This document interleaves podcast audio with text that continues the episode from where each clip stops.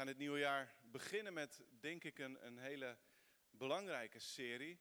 Ehm, met als titel Wat zie je? En dat heeft dus meer nog te maken dan met eh, wat we willen gaan doen. En dat komt er zeker uit voort. Maar het heeft ook te maken met hoe we kijken.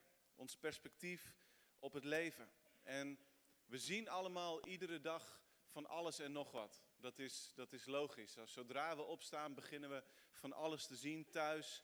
Uh, in, uh, als we naar school zijn, als we onderweg gaan naar het werk, we zien de natuur, we zien films, we nemen social media feeds tot ons, we zien nieuws en actualiteiten, rubrieken. We zien van alles, we nemen van alles tot ons. Overal kijken we. We zien, we kijken heel veel. Maar de vraag is, wat zien we dan eigenlijk? Als je bijvoorbeeld nu eens eh, mee wilt kijken op het scherm naar de volgende twee afbeeldingen, dan kijken we naar twee afbeeldingen, zo van die bekende voorbeelden. Maar wat, wat zie je dan? Wat is, het, wat is het eerste wat je ziet? Misschien kan iemand eens roepen. Als je kijkt naar de linker afbeelding, wat zie je? Een vrouw.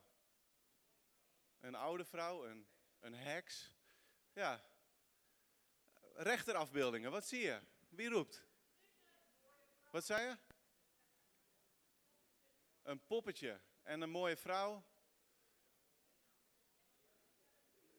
Een indiaan. Een Eskimo. Weet je, ik zal niet zeggen dat ook maar één van die dingen verkeerd is. Maar weet je, het bijzondere is deze afbeeldingen die zijn, ik, ik vind ze niet bijzonder mooi. Ze zijn tweedimensionaal. Ze staan, zijn zwart-wit op het scherm. En we kijken allemaal naar hetzelfde. En toch zien we niet allemaal hetzelfde. Zeker niet in één oogopslag. En in het leven gebeuren er zoveel dingen waar één blik niet voldoende is om te zien wat er echt aan de hand is. Eén blik is niet toereikend om tot het juiste oordeel te komen. Eén blik is bij lange na niet genoeg om een zaak of, of iemand, een persoon op waarde te schatten. Eén blik, één kijk is niet voldoende. We moeten zien. En dat wat we zien wordt door heel veel factoren bepaald. Het heeft te maken met de bril die we bewust of onbewust hebben opgezet en waarmee we naar het leven, waarmee we naar mensen, waarmee we naar de wereld en naar de geschiedenis kijken. Het gezin waarin we geboren zijn is een belangrijke factor wat die bril vormt. Blijde en verdrietige gebeurtenissen tijdens ons leven. Overwinningen of teleurstellingen. De mening van ouders, vrienden, schrijvers, televisiemakers, beroemdheden, een leraar. Er zijn zoveel stemmen samen die in ons leven binnenkomen, die we zien, die we, waar we naar kijken. En die bepalen hoe we om ons heen zien. Die bepalen wat we, ja, wat we zien, wat er achter de eerste blik schuilt. Dus wat zie je? Is een hele belangrijke vraag om onszelf regelmatig opnieuw te stellen. Het is een, een vraag naar welke bril heb ik opgezet en wie of wat vormt die bril. En dat is ook de reden dat ik er enorm naar uitzie om dit nieuwe jaar uh, volgende week te beginnen uh, met de hele gemeente in 21 dagen bidden en vasten. Omdat vasten en bidden alles te maken heeft met hoe we de dingen gaan zien in dit nieuwe jaar. Het is belangrijk en waardevol omdat het bepalend is voor onze blik op zaken. Het geeft ons de kans om God een beslissende stem te geven en te laten zijn in de bril die we opzetten. We schakelen afleiding, we schakelen ongezonde gewoontes uit om te focussen op God en we geven God de ruimte om met zijn perspectief te komen, zodat we met zijn bril kunnen kijken naar de wereld. We moeten gaan zien vanuit Gods plan. Gods bedoelingen. Gods wil voor ons leven en met de geschiedenis van deze wereld. En we beginnen daar dus volgende week zondag mee. 21 dagen. Je kan thuis meedoen, je kan in de gemeente meedoen. Um, op de website en via nieuwsmails delen we dat ook van hey, hoe gaan die 21 dagen eruit zien en op welke manieren kun je persoonlijk en met de grote groep meedoen. Maar ik zou jullie allemaal willen uitdagen om mee te doen. Vasten kan misschien een gewoonte zijn die best wel spannend is of eng is, of waar je nog nooit iets mee hebt gedaan. En ja, wat, wat is het eigenlijk precies? We leggen heel goed op de website uit, en Raymond heeft daar een goede inleiding over geschreven. Wat is nu vasten? En wat is het doel van vasten? Een aantal highlights eruit. Vasten is onze ogen afwenden van zaken van de wereld om ons in plaats daarvan op God te concentreren. Het is bedoeld om een, een diepere verbondenheid met God te bereiken of op onze levensweg dichter bij Hem te gaan leven, te gaan wandelen. Vasten is een manier om onszelf te trainen. Het is een manier om te zeggen van hé, hey, ons lichaam en de begeerten van ons lichaam zijn niet de baas over ons, wij zijn de baas over ons lichaam en de begeerten en de behoeftes. En Christophe, de voorganger van Alive Kerk in, uh, in Leuven, België, die we ook steunen, die hier al een aantal keren is geweest, die zegt het ook heel erg mooi als het gaat om die verbinding tussen vasten en bidden. Waarom horen die twee nou bij elkaar? Hij zegt, gebed verbindt je met God, vasten verbreekt de verbinding met andere dingen. En zo simpel is het. We willen de verbinding met andere zaken verbreken en we willen ons verbinden met God. Vasten kan op allerlei manieren. Het betekent niet dat je nu straks 21 dagen helemaal niks hoeft te eten. Je kan, je kan zeggen van hé, hey, ik ga één of twee dagen per week kies ik om helemaal niet te eten en de rest van de dagen wel. Je kan soberder gaan eten. Luxe producten laten staan, ongezonde producten. hey, dit is het moment om die eens een keer te laten staan en een gewoonte te maken om er niet meer na die 21 dagen opnieuw aan te beginnen. Maar je laat iets staan. Je maakt tijd vrij. Je zegt nogmaals, de behoeften die ik heb, die regeren niet over mij. Ik ga me focussen op God, op Gods stem. En ook opnieuw op de website en via de nieuwsmail is het ook gedeeld met de gemeente van uh, wat zijn nou vijf vormen van vasten. En als je het met God doet, dan zit er altijd een manier van vasten in die jij 21 dagen gaat volhouden. Dus ik wil jullie uitdagen om erover na te gaan denken, om het te lezen, om ervoor te gaan bidden. Hoe kan ik op een voor mij gezonde, passende manier meedoen de komende 21 dagen? Zodat we aan het eind van die 21 dagen op de vraag wat zie je kunnen antwoorden. Ik zie in ieder geval meer. De wereld, de mensen, mijn eigen leven met Gods perspectief. En als ik denk aan Gods perspectief, dan denk ik vaak aan een nieuw begin. God is steeds weer een God van een nieuw begin, een frisse start, een vernieuwing van ons denken, een vernieuwing van ons zijn. God maakt dingen nieuw. En God zegt op een gegeven moment tegen het volk Israël en over het volk Israël het volgende. Laten we het samen lezen. Denk niet aan de dingen van vroeger. Let niet op de dingen van het verleden. Zie, ik maak iets nieuws. Nu zal het ontkiemen. Zult u dat niet weten? Ja, ik zal een weg aanleggen in de woestijn, rivieren in de wildernis. God zegt tegen de Joden, tegen de Israëlieten, jullie moeten niet langer stil blijven staan bij het verleden. Ik maak iets nieuws. En hij gebruikt daarvoor woorden die doen denken aan de bevrijding van het volk Israël uit Egypte, waar ze gevangen waren in slavernij, waar de jongetjes werden vermoord en ze werden bevrijd en God baande een weg door de Rode Zee, door de woestijn. Hij maakte bitter water zoet en waar geen water was, liet hij water stromen overvloedig uit rotsen die dor en droog waren. En diezelfde woorden, daarmee bemoedigt God het volk Israël. Want dit was een volk wat op dit moment in ballingschap was weggevoerd. Het eerste deel althans. Het tiende stammenrijk, het noordelijke deel, 722, weggevoerd in ballingschap. 150 jaar later ongeveer, of 130, 140, in verschillende fasen werd ook het tweestammenrijk weggevoerd. Eerst de rijken en, en de invloedrijke, de leiders, daarna nog meer mensen. De stad Jeruzalem werd verwoest in 586 en het hele land lag in puin. Het land werd verwaarloosd en overwoekerde door onkruid en ongedierte, omdat niemand er meer was om de akkers en de velden te bewerken. En dan zegt God, ik ga iets nieuws doen. Ik ga iets nieuws maken. Er komt geen einde aan de belofte. Ik, er komt geen einde aan mijn plan met jullie. En dat zien we door de hele geschiedenis heen.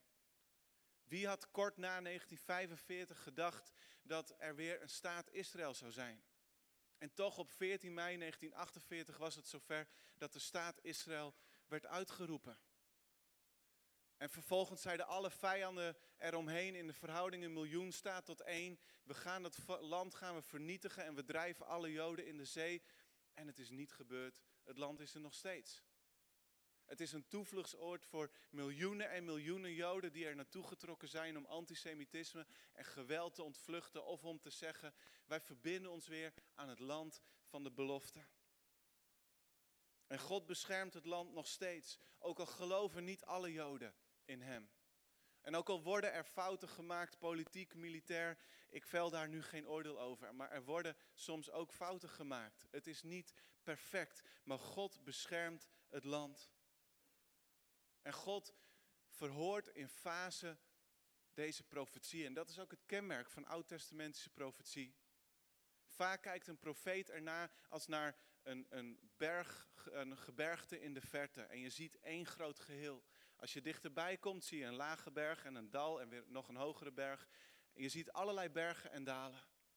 En dat is vaak hoe het gaat met profetie. De vervulling is niet op één moment volledig, maar het gebeurt in verschillende fasen in een opbouw. Of het gebeurt meerdere keren. En je zult zien in het Nieuwe Testament niet dat de beloften voor Israël vervangen worden en worden gegeven aan de gemeente, maar je ziet wel dat dezelfde beloften, een aantal beloften, ook voor de gemeente zijn. Of dat dezelfde woorden en uitdrukkingen voor Israël, de beloften van Israël, worden gebruikt voor iedereen die gered wordt door geloof in Jezus. En daarom durf ik ook tegen jullie te zeggen. Niet zomaar, ik heb er even over na moeten denken, maar ik durf te zeggen ook hier vandaag tegen jullie allemaal dat God het tegen ons zegt. Zie, ik maak iets nieuws. De tijd kan gekomen zijn om het verleden los te laten en te kijken naar de toekomst en God iets nieuws te laten doen. Want dat is hoe God is. God is altijd een vernieuwer geweest. Hij is de God van een nieuw begin. Zie het. Zie het voor ogen. En om het te zien is het belangrijk om goed te kijken. Vult u in, leest u mee. Hoe we kijken bepaalt wat we zien.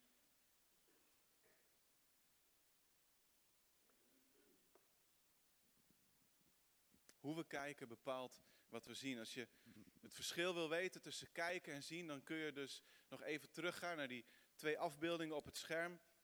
We kunnen er allemaal naar kijken met onze ogen. Maar wat we dan in eerste oogopslag zien, is toch verschillend. En willen we echt meer zien wat er in het plaatje zit, dan moeten we daar even de tijd voor nemen. 10 seconden, een halve minuut, een minuut. En dan zien we veel meer dan op het eerste oog. Dus we moeten leren om beter te zien en de tijd daarvoor te nemen. En als we dat doen, vult u in. Dan allereerst, met God zien we voorbij de tegenslag en tegenstand dat God groter is.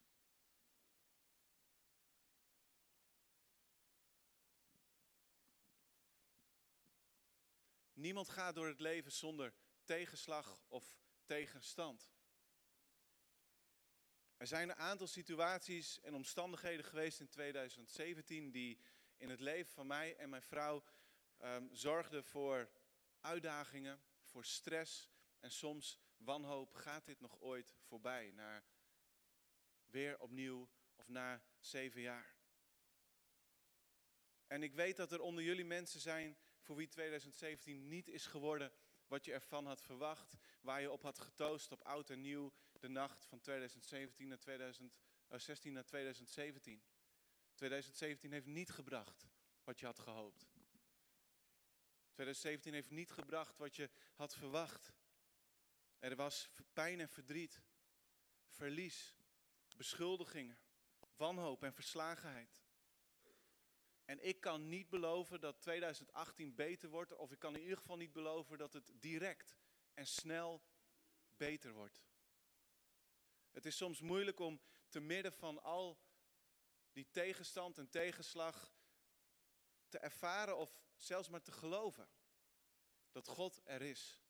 Dat Hij uiteindelijk alles in zijn hand heeft, dat hij alles kan doen medewerken ten goede voor diegenen die hem lief hebben. Dat is moeilijk.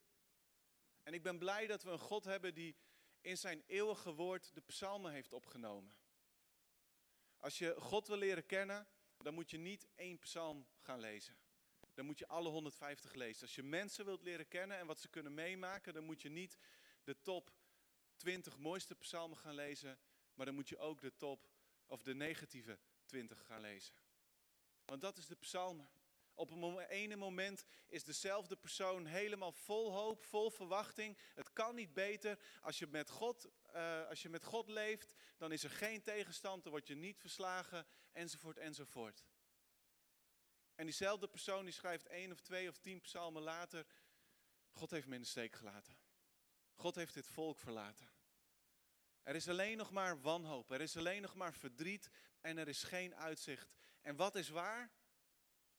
Allebei is waar. Allebei is de menselijke ervaring waarvan God niet zegt, zo mag je het wel zien en zo mag je het niet zien. En toch, ook door die momenten van wanhoop, is er ook steeds weer hoop.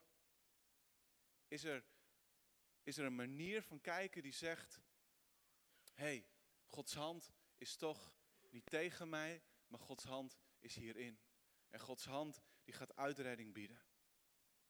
De volgende geschiedenis laat zien wat ik bedoel. Leest u mee. De koning van Aram voerde oorlog tegen Israël. Telkens als hij in overleg met zijn bevelhebbers besloot om bij een bepaalde plaats zijn kamp op te slaan, liet de godsman Elisa, profeet Elisa, de koning van Israël waarschuwen dat hij uit die buurt moest blijven, omdat de Arameërs daar een aanval beraamden. De koning van Israël liet dan aan de inwoners van de plaats die de godsman had genoemd waarschuwen en zorgde ervoor zelf uit de buurt te blijven. Dat ging zo keer op keer tot grote ergernis van de koning van Aram. Hij riep zijn bevelhebbers bij zich en vroegen, zeg me, wie van onze mensen hult met de koning van Israël? Een van de bevelhebbers antwoordde, niemand mijn heer en koning, maar de profeet Elisa in Israël weet de koning van Israël zelfs te vertellen wat u in uw slaapkamer zegt. En hierop zei de koning, zoek voor mij uit waar hij is, dan zal ik hem gevangen laten nemen. Toen hem werd verteld dat Elisa in Dothan was, stuurde hij een heel groot leger met strijdwagens en paarden op de stad af. De Arameërs kwamen s'nachts bij Dothan aan en omzingelden de stad. En ik lees het zo verder, maar ik lees dit hele stuk vooraf om te laten zien dat Elisa hier niet zomaar te maken heeft met tegenstand. Hij heeft te maken met een getergde koning. Een koning die veel sterker was dan Israël, die dacht, ik trek een aantal keren op naar dat land, ik plunder het, ik overwin het, ik neem slaven en slavinnen mee, ik neem rijke buit mee. En iedere keer werden die pogingen gefrustreerd. Zijn woede was niet een klein beetje, zijn woede was tot het kookpunt gestegen. En toen hij uitvond wie hiervoor verantwoordelijk was, stuurde hij meteen een sterk leger erop af om Elisa een kopje klein, of in ieder geval gevangen te nemen. Dat is de gemoedstoestand waarin hij recht op zijn doel afgaat. En ik geloof dat Elisa dat wist. En het verhaal gaat dan verder als volgt. De volgende ochtend, toen de bediende van Elisa opstond en naar buiten kwam, zag hij dat de stad omsingeld was door een leger met strijdwagens en paarden. Wat moeten we beginnen, Heer? riep hij uit. En zijn meester Elisa antwoordde: Wees niet bang, wij zijn met meer dan zij. En hij bad, Heer, open zijn ogen en laat het hem zien. En de Heer opende Elisa's knecht de ogen. En toen hij zag, toen zag hij dat de heuvels vol stonden met paarden en wagens van vuur die Elisa omringden. De bediende van Elisa ziet alleen maar tegenslag en tegenstand. Hij ziet een machtig leger, veel beter uitgerust dan het leger van Israël. En hij is doodsbenauwd. Wat moeten we beginnen, roept hij helemaal vertwijfeld uit. En vaak kijk ik, vaak kijken wij met dezelfde ogen als deze bediende naar de situatie, naar de omstandigheden waar wij ons in bevinden. En dat is begrijpelijk. Maar we mogen leren om met andere ogen te gaan kijken, want hoe we kijken bepaalt wat we zien. Het antwoord van Elisa lijkt op het eerste oog op, op zijn best naïef en op zijn op zijn slechtst is het, is het een waanbeeld van een gevaarlijke gek. Maar dat is het beide niet. Elisa ziet veel scherper dan zijn bediende. En hij bidt, en dat is mijn gebed voor jullie allemaal. Heer, open zijn ogen. Open zijn ogen. Laat hem op een andere manier kijken. En dat is wat God doet. En de bediende ziet wat Elisa al die tijd al zag. Er is een leger, een machtig leger van, van wagens van vuur. En Elisa heeft gelijk als hij zegt, wij zijn met meer dan zij. God is groter. Hij maakt niet altijd direct een einde aan omstandigheden die moeilijk zijn, maar hij helpt je altijd er doorheen. Hij is sterker. Het is niet het einde. Tegenslag en tegenstand zijn vaak waar God zijn diepste en machtigste werk in jou en door jou heen kan doen. Ten tweede, met God zien we in iets wat stopt niet het einde.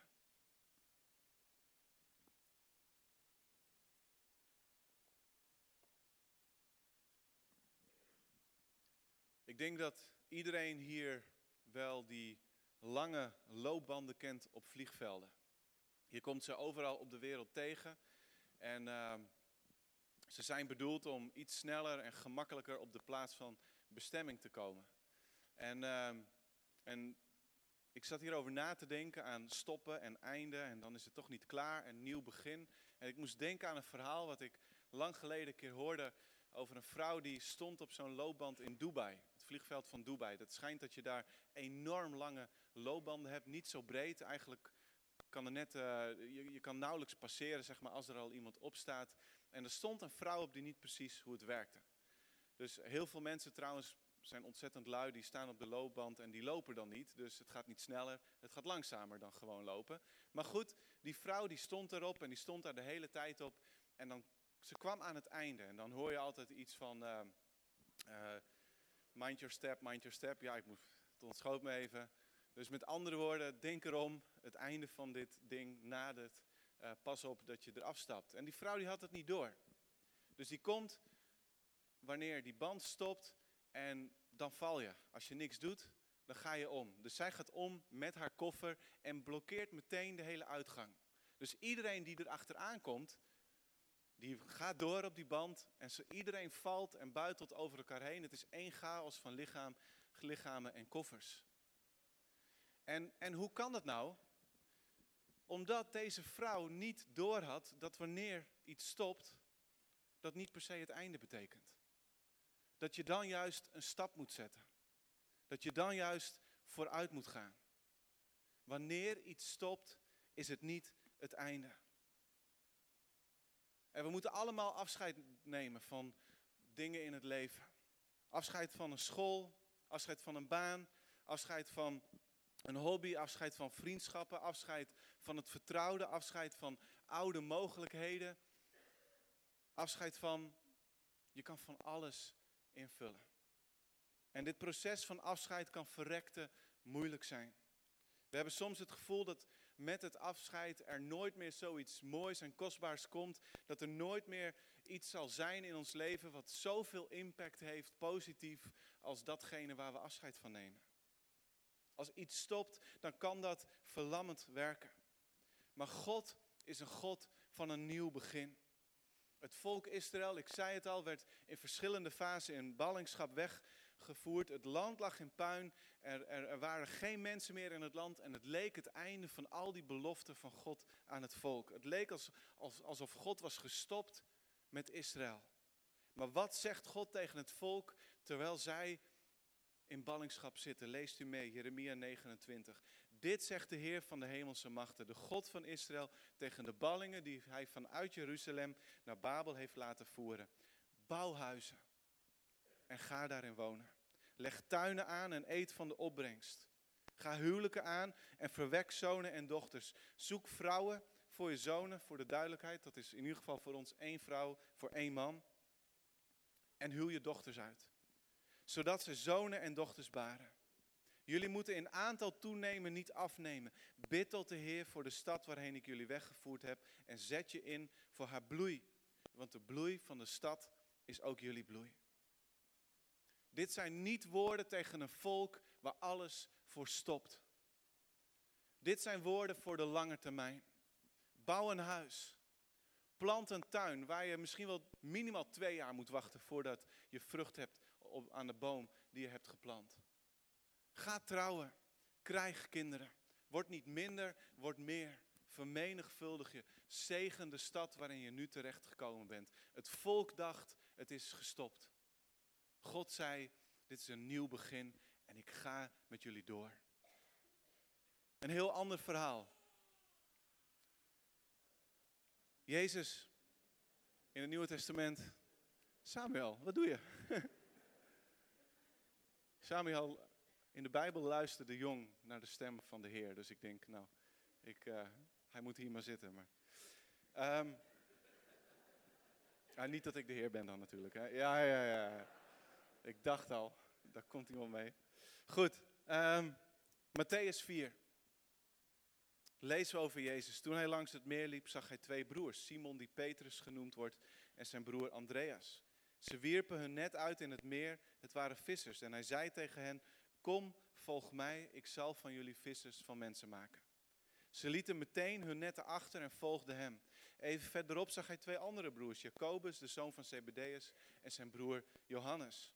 Ze waren met hun vader in een boot bezig met het herstellen van de netten. Jezus riep hen en meteen lieten ze de boot en hun vader Zebedeus achter en ze volgden hem. Jezus roept zijn discipelen. En wat mij de afgelopen week opviel, we hadden uh, kraambezoek van uh, Sietse en Rens die met de kinderen kwamen eten. En uh, Benjamin die mocht het Bijbelverhaal lezen. Hij is nog maar vijf, hij deed het fantastisch. En we waren in de Peuterbijbel aangekomen bij Jezus die zijn discipelen roept. En ik ging dat verhaal nog eens een keer gewoon in, in, in mijn eigen Bijbel nalezen. En het viel me ontzettend op. Dat er heel nadrukkelijk staat dat eerst Simon en Andreas en daarna Jacobus en Johannes iets achterlaten. Ze laten de netten achter, ze laten hun boot achter, ze laten zelfs hun vader achter. Dat betekende alles waar ze mee vertrouwd waren, alles waar, waar, waarmee ze hun brood verdienden en, en, en eten op de plank kregen. Zelfs de garantie om te kunnen vissen in de toekomst. Die boot die kostbaar was, die je niet zomaar had. Waar je hard voor had gewerkt, lieten ze achter. Om Jezus te volgen.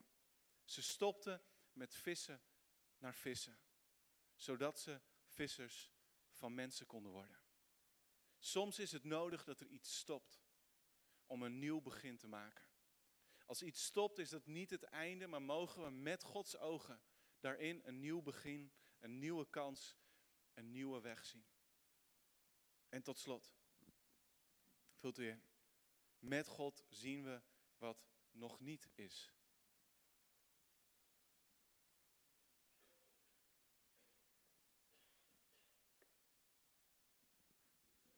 Toen ik vier jaar oud werd en naar de basisschool uh, ging, toen heb ik uh, tot mijn schaamte nu heb ik de eerste weken of op de schoot van de juf gezeten of direct naast de juf.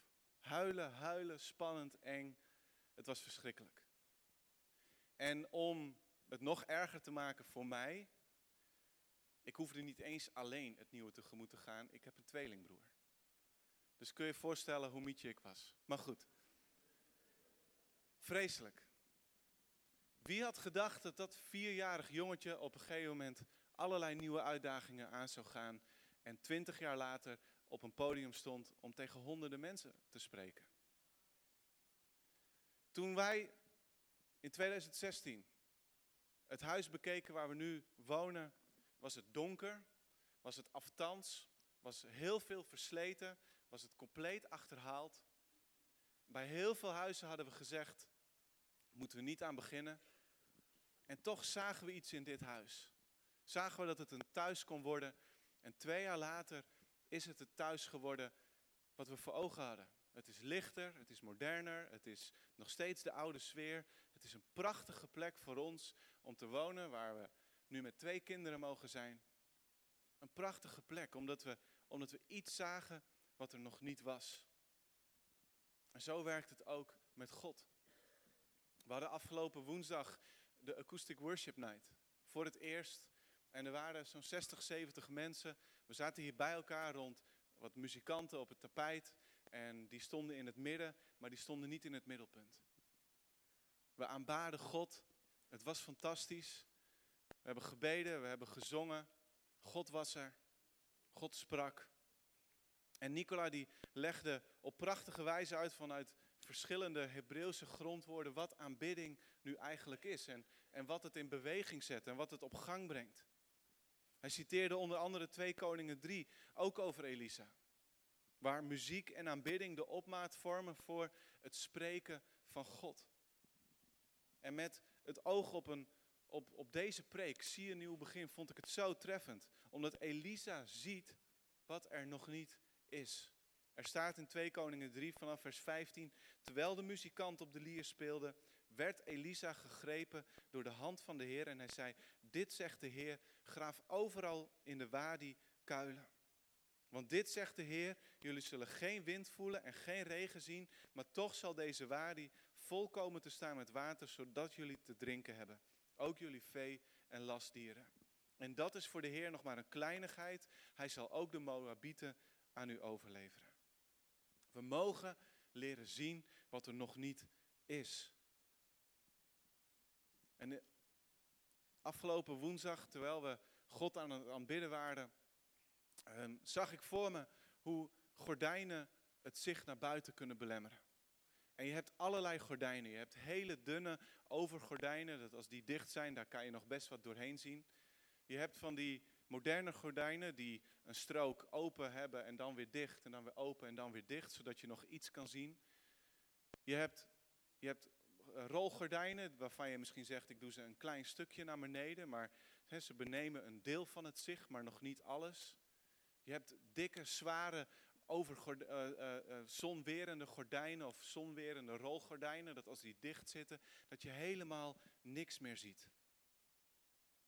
En hoe de gordijnen er ook uitzien in jouw leven, die het zicht op Gods realiteit en mogelijkheden ontnemen, doe die gordijnen open.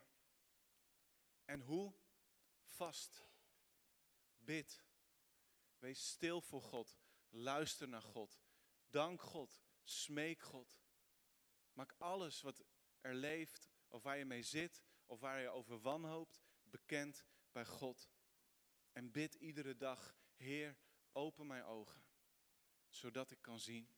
Zodat ik kan zien wat er nog niet is, wat nog niet de realiteit in het hier en nu is, maar wat bij u mogelijk is. Vult u in. En dan ronden we af.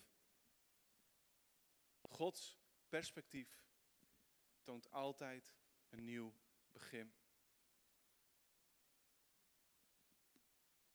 Ik hoop dat we door deze serie op een nieuwe manier gaan kijken. Zodat we zien voorbij tegenslag en tegenstand.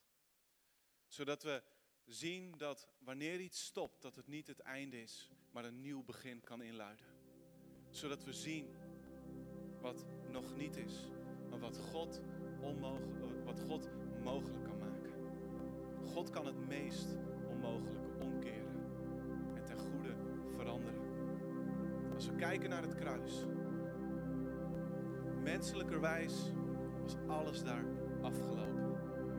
Staat in Johannes 19, nadat Jezus ervan gedronken had, van een zure spons, zei hij, het is volbracht, het is ten einde gekomen. En hij boog zijn hoofd en gaf de geest.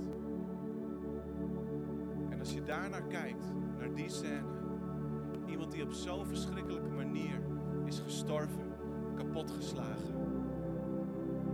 En zijn hoofd gaat hangen en er is geen adem meer. Dan denkt ieder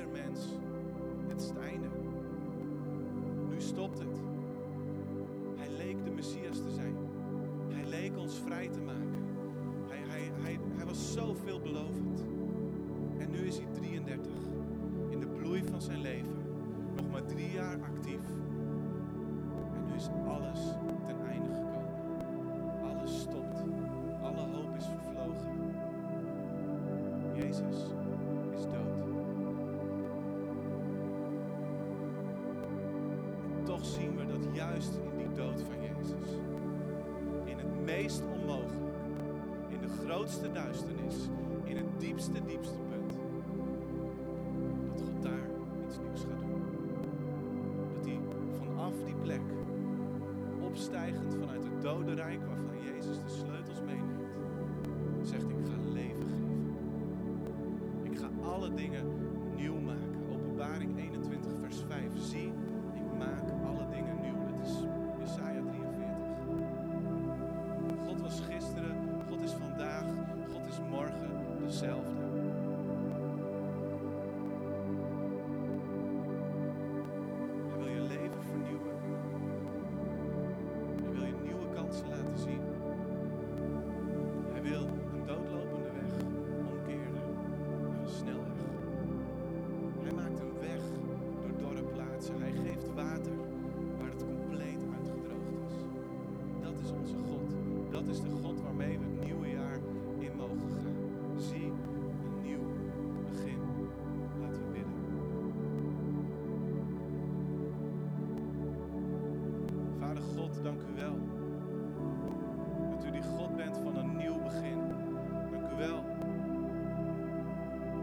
Jesus.